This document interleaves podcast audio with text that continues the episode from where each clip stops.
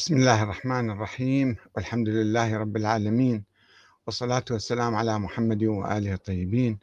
ثم السلام عليكم أيها الأخوة الكرام ورحمة الله وبركاته.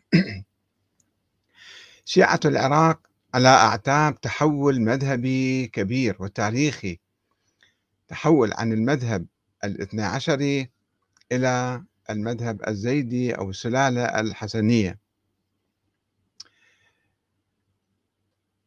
في الحقيقة أنا لا أقول ذلك يعني من باب التنبؤ أو من باب التهريج لا سمح الله وإنما آه، صدقوني بعد كم سنة انتظروا يعني عشر سنين عشرين سنة روحوا مئة سنة فسوف تجدون مذهبا جديدا في العراق غير المذهب الاثنى عشري أنا لا أتنبأ بالغيب وإنما أقول ذلك بناء على قراءتي للتاريخ الشيعي. وانتشار المذاهب الشيعية والسنية المختلفة عبر التاريخ. وقد رأيت أن المذاهب تنتشر إما بالقوة والسلطة حاكم معين يجي يسيطر على السلطة وبالتالي ينشر مذهبه. هذا سمة مشتركة عند معظم المذاهب يعني. وإما بالخرافات والأساطير والمعاجز الوهمية يعني بالإعلام.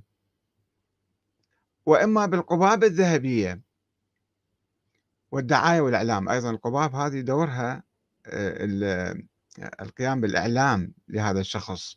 وإلا أن تصوروا مثلا الأئمة الموجودين في العراق إذا ما كان عندهم قبور كلها مذهبة ومنائر وأضرحة ضخمة قبور عادية مثل ما أوصى الإمام الباقر عليه السلام إلى الإمام الصادق قال له قبر يسوي أربع أصابع.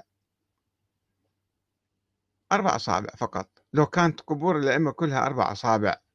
الناس من يجون يزورون يعني هذا واحد ميت نافذ السيد علوي مثلا متوفي هنا مستشهد ما كان يتفاعلون معه ما كان ينظرون إلى بإعظام وإجلال وهالة مقدسة ويعني مثل بقية القبور.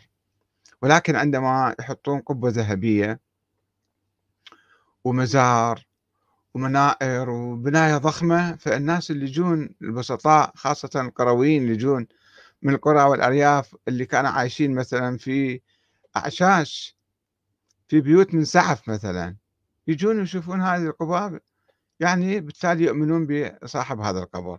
كل ما يكون قبره أضخم وأكبر ومنارته مذهبة وقبته مذهبة فينتشر المذهب أكثر. شوفوا التاريخ يعني.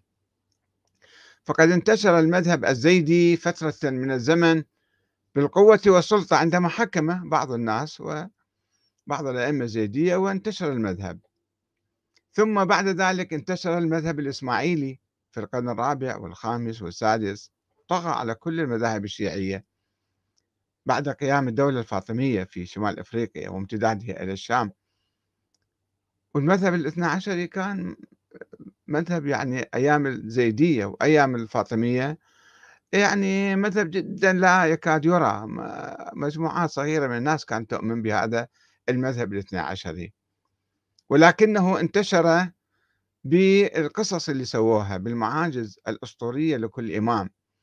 مثلا آه، محمد بن جرير بن رستم الآملي الشيعي عنده كتاب اسمه دلائل الإمامة.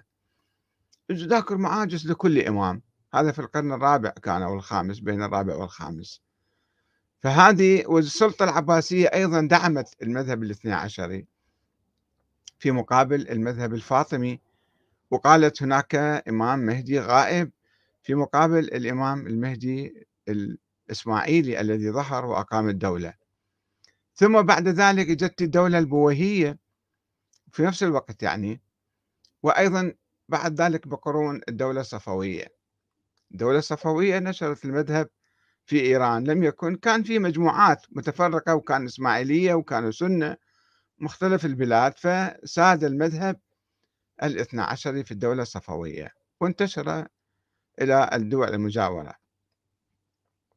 وعندما أنظر إلى ما يحدث الآن حول القبر الوهمي للبنت الوهمية المنسوبة للإمام الحسن شريفة بنت الحسن وما يحاك حولها من معاجز في شفاء المرضى وقضاء الحاجات حوائج المحتاجين وما يبنى على قبرها أيضا من أضرحة آه، ذهبية ومنائر وقباب ودعايات واسعة. أرى أن هناك مخططا أو خطوات لدعم وتأييد الخط الحسني في مقابل الخط الحسيني. وهما كما نعرف خطان متنافسان عبر التاريخ منذ القرن الثاني الهجري. آه، وإذا كان لأنه كان في من يصدى لقيادة الشيعة؟ اللي صدى لقيادة الشيعة تقريبا هم الخط الحسني اللي اندمج في الخط الزيدي يعني. والخط الآخر الحسيني يعني بصورة عامة كان موالي ومداهن أو يعني مسالم. ولكن الخط الحسيني استعان بالبكاء على الإمام الحسين الذي جاه يزيد حتى الشهادة وما كان معه إلا 73 واحد ولم يستسلم ولم يبايع كما قال الإمام الباقر ضد الحسنية. وقال بأنه أولى بوراثته يعني من بوراثة الحسين من أبناء الحسن الذي سلم الخلافة لمعاوية وكان معه مئة ألف واحد كما يقول الإمام الباكر فكان في تنافس بين الباكر وبين ابناء عمه من الحسنيين اللي هم كانوا الصدين وهو كان يقول أنا أعتمد على العلم اللي عندي. فكان في هذا التنافس واستمر عبر التاريخ يعني. فهذا من ذاك اليوم كان في تنافس بين الخطين. أبناء الحسن ما كانوا يدعون النص على الإمام علي ولا عليهم. يقولون إحنا ثوار قادة زعماء. ولكن الخط الحسيني يعني خط الباقر والصادق وال... يعني هذا الخط اللي منسوب لهم كان يدعى لهم. لا أقول هم كانوا يدعون لأن هذا مو ثابت. يدعى لهم بأنهم هم آه، أحق بالخلافة والإمامة من أبناء الحسن. بناء على ذلك ما يحدث الآن حول قبر هذه الموهوم قبر شريفة بنت الحسن اللي أصبح أكبر حقيقة الآن بالعراق. بناء على القصص والمعاجز والأساطير التي تروى حوله. فربما يأتي أحد أولاد الحسن اليوم أو غدا ويستشهد هناك مثلا يقوم بحركة ويستشهد. في جوار شريفة بنت الحسن يدفنوه فيصير قضية عاطفية أيضا ويصبح شهيد والناس يتبعوه والناس مثلا ويصبح إماما جديدا. يجمع بين المظلومية اللي تستقطب الناس كثيرا في العراق والمعاجز والقباب ويبنون على على قبر قبة أيضا ضخمة جدا فيقضي على الخط الحسيني الاثنى عشري ويصرف الناس عن الاعتقاد بالإمام بالأئمة الاثنى عشر. يصبحون دولة يعني مثل قبور. الآن شوفوا مثلا قبر زيد. قبر زيد موجود عنده مقام وكذا ولكن ما في دعاية حوله. لأنه مطمور. الدعاية للقبور الأخرى. زيارات وكذا مثلا والتذهيب بعد قبره مو مذهب. ولذلك يعني وعندها سوف يظهر من هذا الخط الحسني كما هناك بعض الأحاديث تقول أن الإمام المهدي من أبناء الحسن مو من أبناء الحسين. لذلك قال البعض أن هذا المهدي الاثنى عشري هو ابن الحسن ابن الحسن العسكري. ويكذبون المهدي الآخر الثاني عشر المهدي الحسيني يعني. طيب شو يسوون المراجع في ذلك الوقت بعد 100 سنة؟ خلينا نفترض. راح يقلبون المراجع راح يقلبون.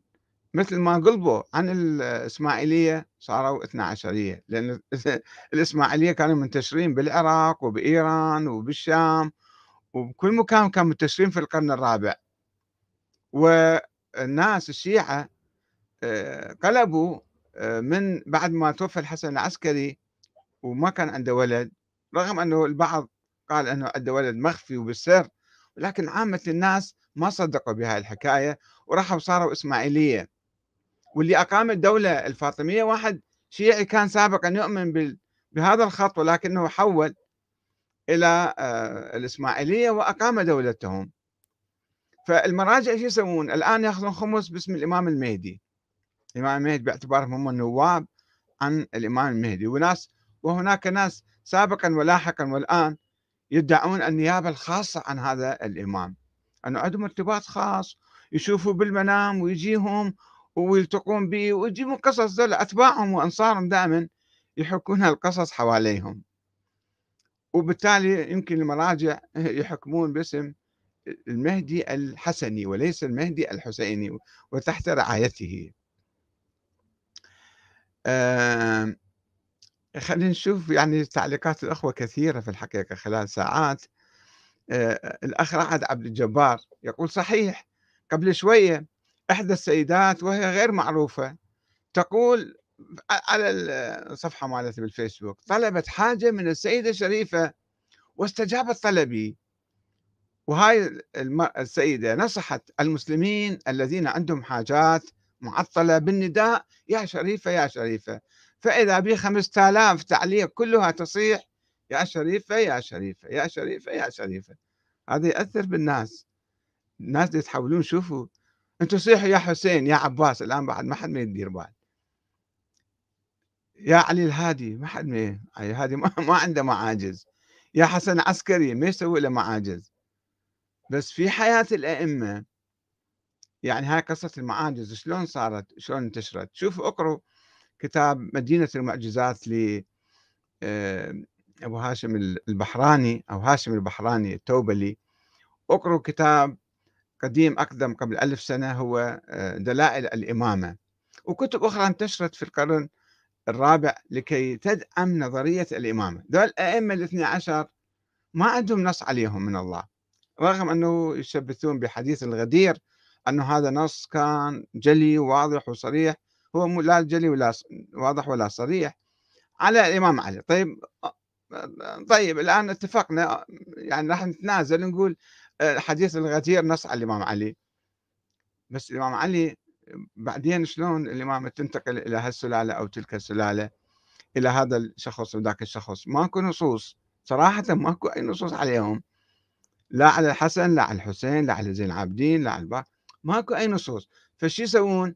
أول شيء بلشوا بالإمام علي حتى في زمانه ربما سووا دعايات عليه أو بعدين إجوا سووا أنه الإمام علي ردت له الشمس.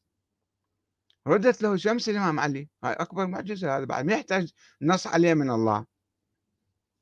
ما يحتاج لا حديث غدير ولا ولا محزنون الشمس ردت تأخر بصلاته كان رايح إلى حرب النهروان ومر بأرض سبخة وقال لهم لا تصلون الآن العصر. خلي نوصل إلى أرض أخرى وإذا آه، الشمس تروح تغيب فدعا الله تعالى فرجعت الشمس صلى الإمام علي ورجعت مرة ثانية. وهذا سيد آه، مرتضى آه، سيد مرتضى اللبناني كاتب كتاب وناشره مكتب السيد السيستاني. أنه مو مرة ومرتين رجعت الشمس للإمام علي إنما ستين مرة سيد جعفر مرتضى. سيد جعفر مرتضى يقول ستين ستين مرة يومية شمس رايحة جاية رايحة جاية رايحة جاية.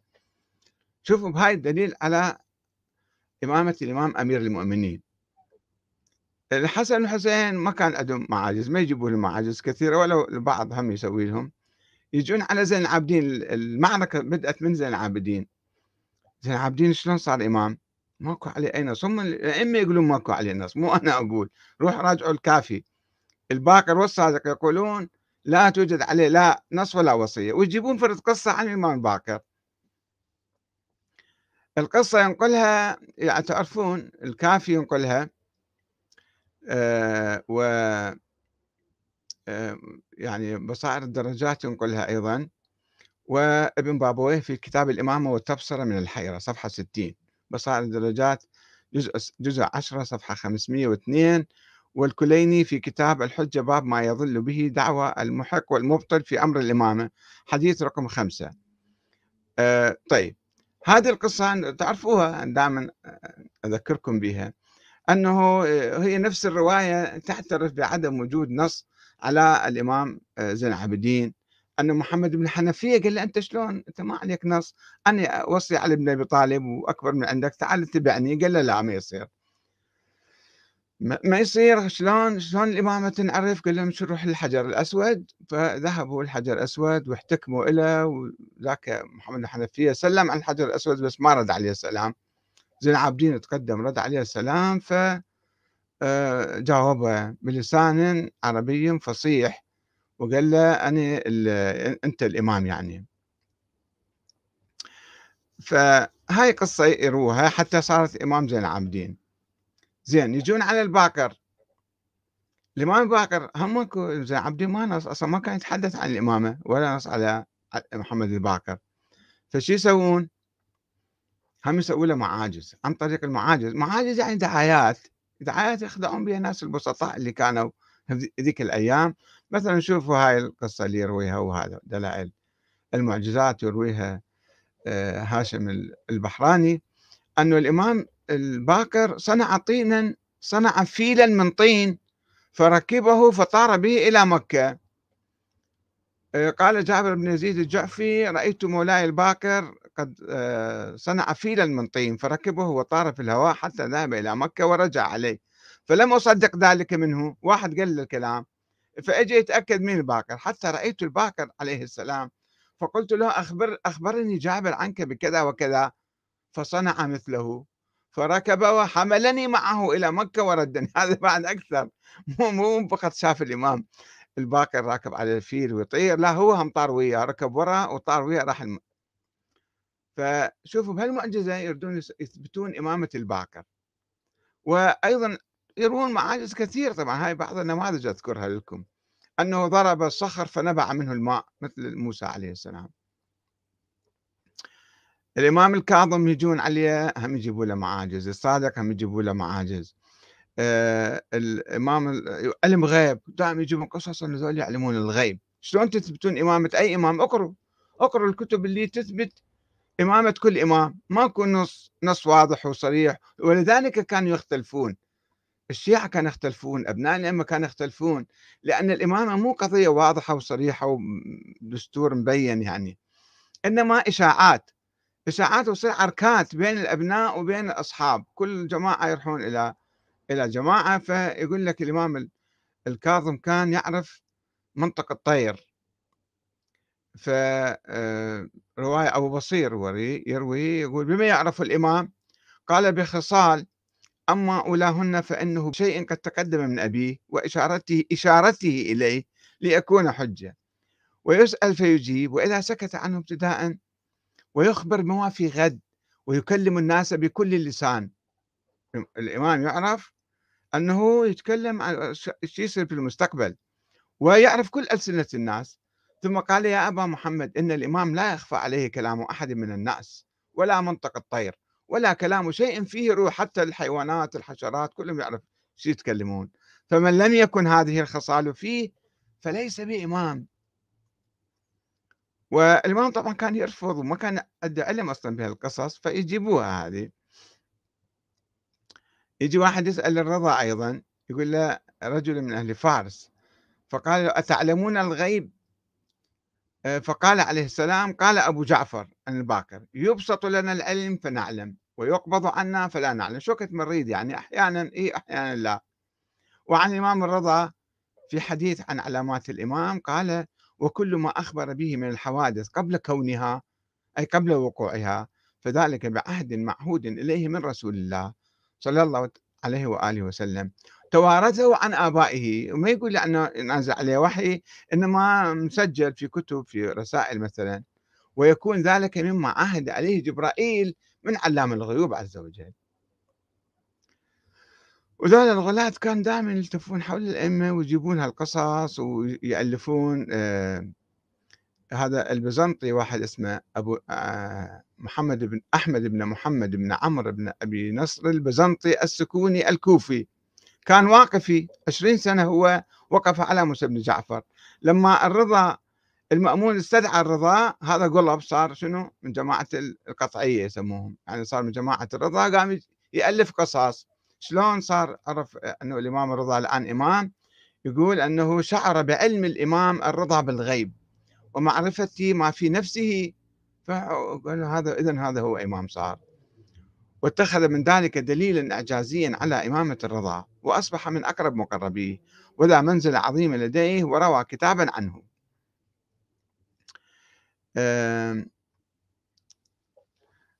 أيضا يعني داود بن كثير الرقي وعبد الله بن المغيرة والجماعة كلهم الوشاء كانوا دائما يعني هم يثبتون إمامة أي إمام آه، بالمعاجز. وقام هؤلاء في زمن الرضا بتحوير أسطورة أم أسلم. أم أسلم فد وحدة كان زمن النبي على أساس وجت سألتها عن الخليفة مالته منه فطلع لها فد حصواية وأجنها بيدية وختمها. قال لها ياهو شوفي بالمستقبل؟ سوى نفس المعجزة هذه ينكمش الحصواية نفسها ويعجنها ويختم بها فهو الإمام. فأجت الإمام علي للحسن للحسين زين العابدين الباقر هذه يسموها أم أسلم. حكاية أو قصة أو أسطورة أم أسلم. إجت بعدين آه، راحت إلى زمان الرضا. راح الباقر الصادق الكاظم اجى الرضا. هم أخذوا هاي المعجزة هاي الأسطورة حوروها سووها حصاد حبابه الوالبية التي زعموا أنها عاشت أكثر من 200 عام صار 200 سنة ورأت ثمانية من الأئمة من أمير المؤمنين إلى الرضا. فالإمام الرضا أعاد لها شبابها بعد أن بلغت من العمر عتية وانها التقت سابقا بالإمام علي وسالته عن دلائل الإمامة. إلى قال نفسه تجيب الحصايا اللي النبي قال لك إياها. وطوروها إلى وبعدين راح تتطور في المستقبل على الإمام العسكري والإمام الهادي يسموها أم غانم أم أسلم حبابه الوالبية وأم غانم بعدين تصير. أم غانم يعني نفس القصة شلون الفيروسات تتحور؟ كان يحورون القصص الأسطورية يركبوها على كل إمام جديد.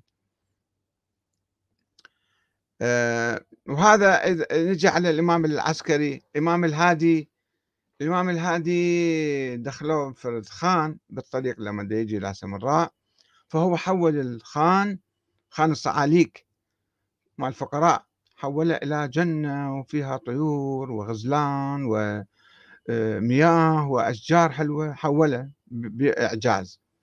والحسن العسكري هذا آه، أبو هاشم الجعفري ينقل عنه. أم ينقل عنه قصص كثيرة آه أنه شلون كان مثلا آه يكتب كتاب وصار وقت الصلاة قام يصلي فالقلم هو قام وقام يكتب بالورقة من وحدة. هاي معجزة مال الإمام الحسن العسكري. فشوفوا قصص كثيرة يعني إذا واحد يريد يدوخ نفسه في هالقصص آه، لا تنتهي. فالمهم يعني إمامة الأئمة لا لم تقم على النص ولم تقم على شيء يعني يثبت من الله تعالى إنما قامت بها القصص هذه. هذه في حياتهم. دول الأئمة كانوا في حياتهم تروى لهم قصص وتؤلف حولهم حتى تعطيهم شرعية وتعطيهم يعني مصداقية وأن عندهم لو عندهم علم غيب لو يسوون معاجز. وبعدهم النواب الأربعة شوفوا النواب الأربعة كانوا أربعة من عشرين واحد أربعة وعشرين واحد آخر. كل واحد يقول أنا وكيل الإمام وأنا سفيره وأنا نائبه. صار عركة بيناتهم في القرن الثالث الهجري. فشلون دول الأربعة ثبتوا أنفسهم في مقابل الآخرين؟ آه، ثبتوا بالمعاجز. هم نفس الشيء قاموا يجيبوا لهم قصص. هذول النواب الأربعة يجيبون معاجز علم غيب يخبرون بما يحدث في المستقبل وهكذا ثبتوا هذول النواب الأربعة وثبتوا وجود الإمام المفترض اللي ما حد ما شايفه. أن هذول إذا عندهم معاجز فهذا دليل على أنه في واحد يخبرهم اللي هو الإمام المهدي الغائب. عندهم علاقة وياه. آه الآن الأئمة راحوا قبل 1200 سنة انتهوا. هذه السلالة الحسينية الموسوية رغم كل هالمعاجز وصلوا إلى الطريق المسدود وانتهوا. فطلعوا كما قلنا طلعوا الإسماعيلية قالوا لا إحنا موجودين. إذا لا انتهوا ذولا على باطل وإحنا على حق وإحنا موجودين أئمة إسماعيلية. وأقاموا الدولة الفاطمية. وراحت الدولة الفاطمية حكمت 250 سنة وراحت. الآن باقي شنو عندنا في العراق؟ باقي قبور قبور الأئمة الاثني عشر بعضهم يعني وبعضهم في خراسان وبعضهم في البقيع. وعندنا أيضا قبور جديدة قاعد تطلع مثل شريفة بنت الحسن.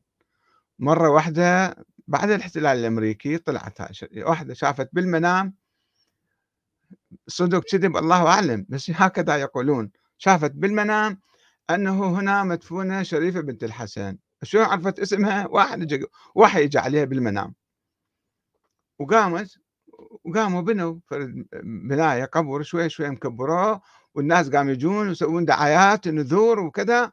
فانتشر الامر وصارت النام مثل ما الأخ رعد يقول وفعلا هذا مو بس هذا يقول ادخلوا شوفوا على صفحات النذور والخرفان وال... والأموال اللي ذبوها والوقف الشيعي قام خوش فرصة هذه ذول المشايخ والمعممين اللي تموا هناك وسووا حفلة وتتويج وتذهيب ودعايات مستمرة. سالوا السيد السيستاني شنو قصة هذا القبر؟ قال والله ما أعرف عنه شيء. سالوا الشيخ اليعقوبي قال ماكو أثر عنه. بعدين صاروا علماء يجيبون روايات أخرى. لا يمكن أكو بعض الدراسات تقول كذا. سوينا أبحاث لقينا أكو آه، يطلع هذه المدرس يقول لك هسه هذه يعني آه، لقبها شريفة هذه ما أدري فاطمة بنت الحسن يختلق من عنده كما يشاء. ويسوي دعاية وقنوات تلفزيونية قناة الشيرازية نصبح الليل دق على هاي شريفة بنت الحسن. والدعايات ويسوون لقاءات مع الناس وشلون معجزة صارت. فاحد الأخوة وضع هنا آه، قصة هذا آه، أبو آه، أبو شنو اسمه اللي في في سيناء في نعم أو في ذاك ذيك الصفحة الأولى آه، نعم اللي أنه هذول أبو راس أو كذا اسمه آه، اختلفوا عليه. كان يعني الناس يسووا له دعاية ويجون يزورون هذا القبر. بعدين اختلفوا ذول القبائل اللي كانت تجني المحاصيل آه، المالية فاختلفوا بيناتهم. صارت معركة بيناتهم. ف اجت الحكومة قالت نسوي حل وسط ننقل القبر إلى منطقة بعيدة. فاجوا حفروا مقام أبو سريع. هذا مذكور ويمكن أي واحد يكتب أبو سريع مقام أبو سريع ويشوف حوله. الدخل بلغ مليون جنيه. فاجوا حفروا حتى ينقلون الجثمان مال هذا. شخص ولي على أساس من أولياء الله. آه، ينقلون آه، جثمانه إلى منطقة بعيدة مو متنازع عليها. فطلعوا لقوا آه، قبر تكرمون قبر ثور. أو خروف أو فشي دافنيه هناك وذول يسوون عليه دعاية وهذا يقضي الحاجات ويشافي المرضى مثل ما شريفة بنت حسن بالضبط هناك نفس الشيء في في سيناء. آه، فهذه ما تنتهي القصص هذه يعني تؤلف. وتعالوا أنتم إلى الطرق الصوفية. الطرق الصوفية شبه مذاهب. كل طريقة لهم واحد مولى مالهم أو إمام مالهم وعندهم قصص. حتى أنا ذهبت إلى السودان سنة 86 فرحت زرت فرد يعني هيئة أو تكية صوفية. أتعرف على البلد يعني. فرئيس الطريقة عميد جامعة كان عميد جامعة في السودان. أبوه كان شيخ الطريقة هو لما مات ورث. ورث قال لك أحسن شيء أحسن من الجامعة والتعب بها والعلم والدراسة. فأعطاني كتاب عن كرامات هذا الولي مالهم رئيس الطائفة التيجانية الكذا ما أدري شنو أنه هذا آه، كان يطير بالهواء كان يسوي كذا الأرض تطوى له معاجز شاف المرضى ونفس القصة شوفوا أنتم روحوا إلى الدولة الصوفية. تلقون آه، هالقصص آه، موجودة يعني كثير من عندها آه، فد أخ من من كردستان قال إحنا الآن ما عندنا قبور في كردستان وقضوا عليها. كان أكو كم قبر وإجوا هدموها و وما صار شيء عسبانا راح تهتز الدنيا وتنقلب الدنيا وكل شيء ما صار. فقلت له أخي العزيز هناك أشخاص الآن. اكو واحد موجود اسمه ملا علي. هذا صار مليونير. ملا علي يسوي كل شيء شاف هم حطيت الفيديو مالته إذا أحد يحب يشوفه بإمكانه. آه، آه، ملا علي. هذا آه، يطلع الجن من الإنسان. جيبوا له فد ولد يصيح يصيح هكذا ويصرخ وبعدين يقرأ عليه آيات قرآنية ويطلع الجني من من هذا الولد وهذا يرتاح بعدين يصير ولد عادي. أفلام يمثلوها. هذا يسافر الآن إلى دول عديدة إلى باكستان عنده أتباع وموردين قد ما شاء الله. ويجي إلى أوروبا ويجي ما أدري وين يروح. وصاير يعني إمام حي. مو مثل ذول الأولياء الطرق الصوفية الميتين. لا هذا بكرة خليه يموت. شوفوا شو يسوون به هذا. يعني بعد كله معاجز يعني هاي منتشرة في كل الأرض. مع وعنده موقع على على النت. على اليوتيوب وتعالوا شوفوا المعاجز اللي سووها. يمكن يمكن لو نقارن بين شريفة بنت الحسن اللي عند الشيعة يطلعها كسر. ما أدري ياهو اللي يطلع ثاني كسر. بس المهم شريفة بنت الحسن على هالمعاجز اللي قاعد تسويها عامة الناس البسطاء اللي ما يعرفون أسماء الائمه الاثني عشر بس سامعين بيهم. وهاي قبتها أكبر من قبب البقية. ومذهبة ونورانية وألوان وأضواء فيها. ودعايات وقطع ناشرين إعلانات دائما إنه هذه شريفة بنت الحسن آه، آه، المؤمنة اسراء الحاج جمال تشكر العلوية شريفة بنت الحسن لنيلها شهادة الماجستير. ما أدري هي درست ما درست مرة واحدة صارت عندها آه، هالشهادة هذه. يكتبون دعايات وإعلام والناس يجون البسطاء يصدقون بكل ما يرون. إذا الناس الآن ببعض المناطق بالعراق حقيقه بتيل الكهرباء يشدون عليه خلق.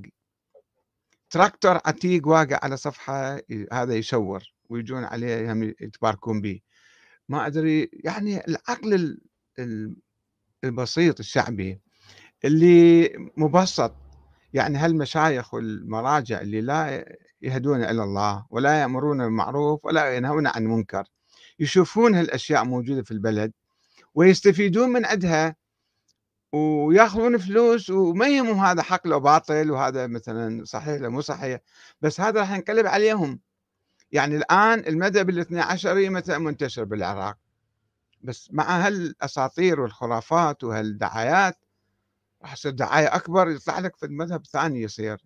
يجون ناس يتبنون هاي شريفة بنت الحسن يقول لك أنا من نسلها مثلا شنو المانع؟ يجي واحد يقول أنا من نسل شريفة بنت الحسن. وأنا أحق بهذا القبر ويصير عركه عليه. ف هذا المنطق بالحقيقة منطق يعني بالتاريخ كان موجود عند الصوفية كان موجود عند هذه الحركات اللي هي أيضا كانت صوفية. آه، إحنا لازم شوية يعني نتوقف نفكر مدى صحه ذلك. نرجع إلى القرآن الكريم نرجع إلى الله تعالى نعبد الله نستغيث به نسأله حاجاتنا. نتوسل إليه. ما نروح إلى القبور الوهمية والخرافية والأسطورية؟ ونفكر بحياتنا الآن إحنا أنظمتنا السياسية. نظامنا السياسي المخربط المشوه اللي صار سنة تقريبا إحنا في أزمة دستورية وأزمة سياسية وما قادرين نعرف كيف نطلع من عندها. المفروض بالعلماء وبالحوزة وبالمراجع يدعو الناس إلى تطوير النظام السياسي ينشروا العدل ينشروا يساعد الفقراء. هالناس اللي يجون هالقبور لماذا يأتون إليها؟ لأنهم جهلة لأنهم فقراء لأنهم مرضى وما يشوفون واحد يلبي حاجتهم يحل مشاكلهم. الحكومة المفروض تكون باب الحوائج. الحكومة يجب أن الناس يذهبوا إلها لها ويسألوها قضاء حوائجهم. ولكن الحكومة يبدو الدعب للناس روحوا على المقابر. روحوا على شريف بنت الحسن روحوا على فلان أو فلتان وهي مرتاحة ملتهية أو أهل السياسة ملتهين بصراعاتهم الداخلية. نحن بحاجة إلى ثورة عقلية ثورة إيمانية ثورة فكرية حتى نبني وطننا بشكل جديد بشكل قوي بشكل حضاري علمي بعيدا عن الخرافات والأساطير. وإذا أحد يحب يتابع التعليقات كثيرة جدا لم أستطع أن أقرأها لأنه راح أطول عليكم كثيرا. إلى هنا أكتفي بهذا القدر والسلام عليكم ورحمة الله وبركاته.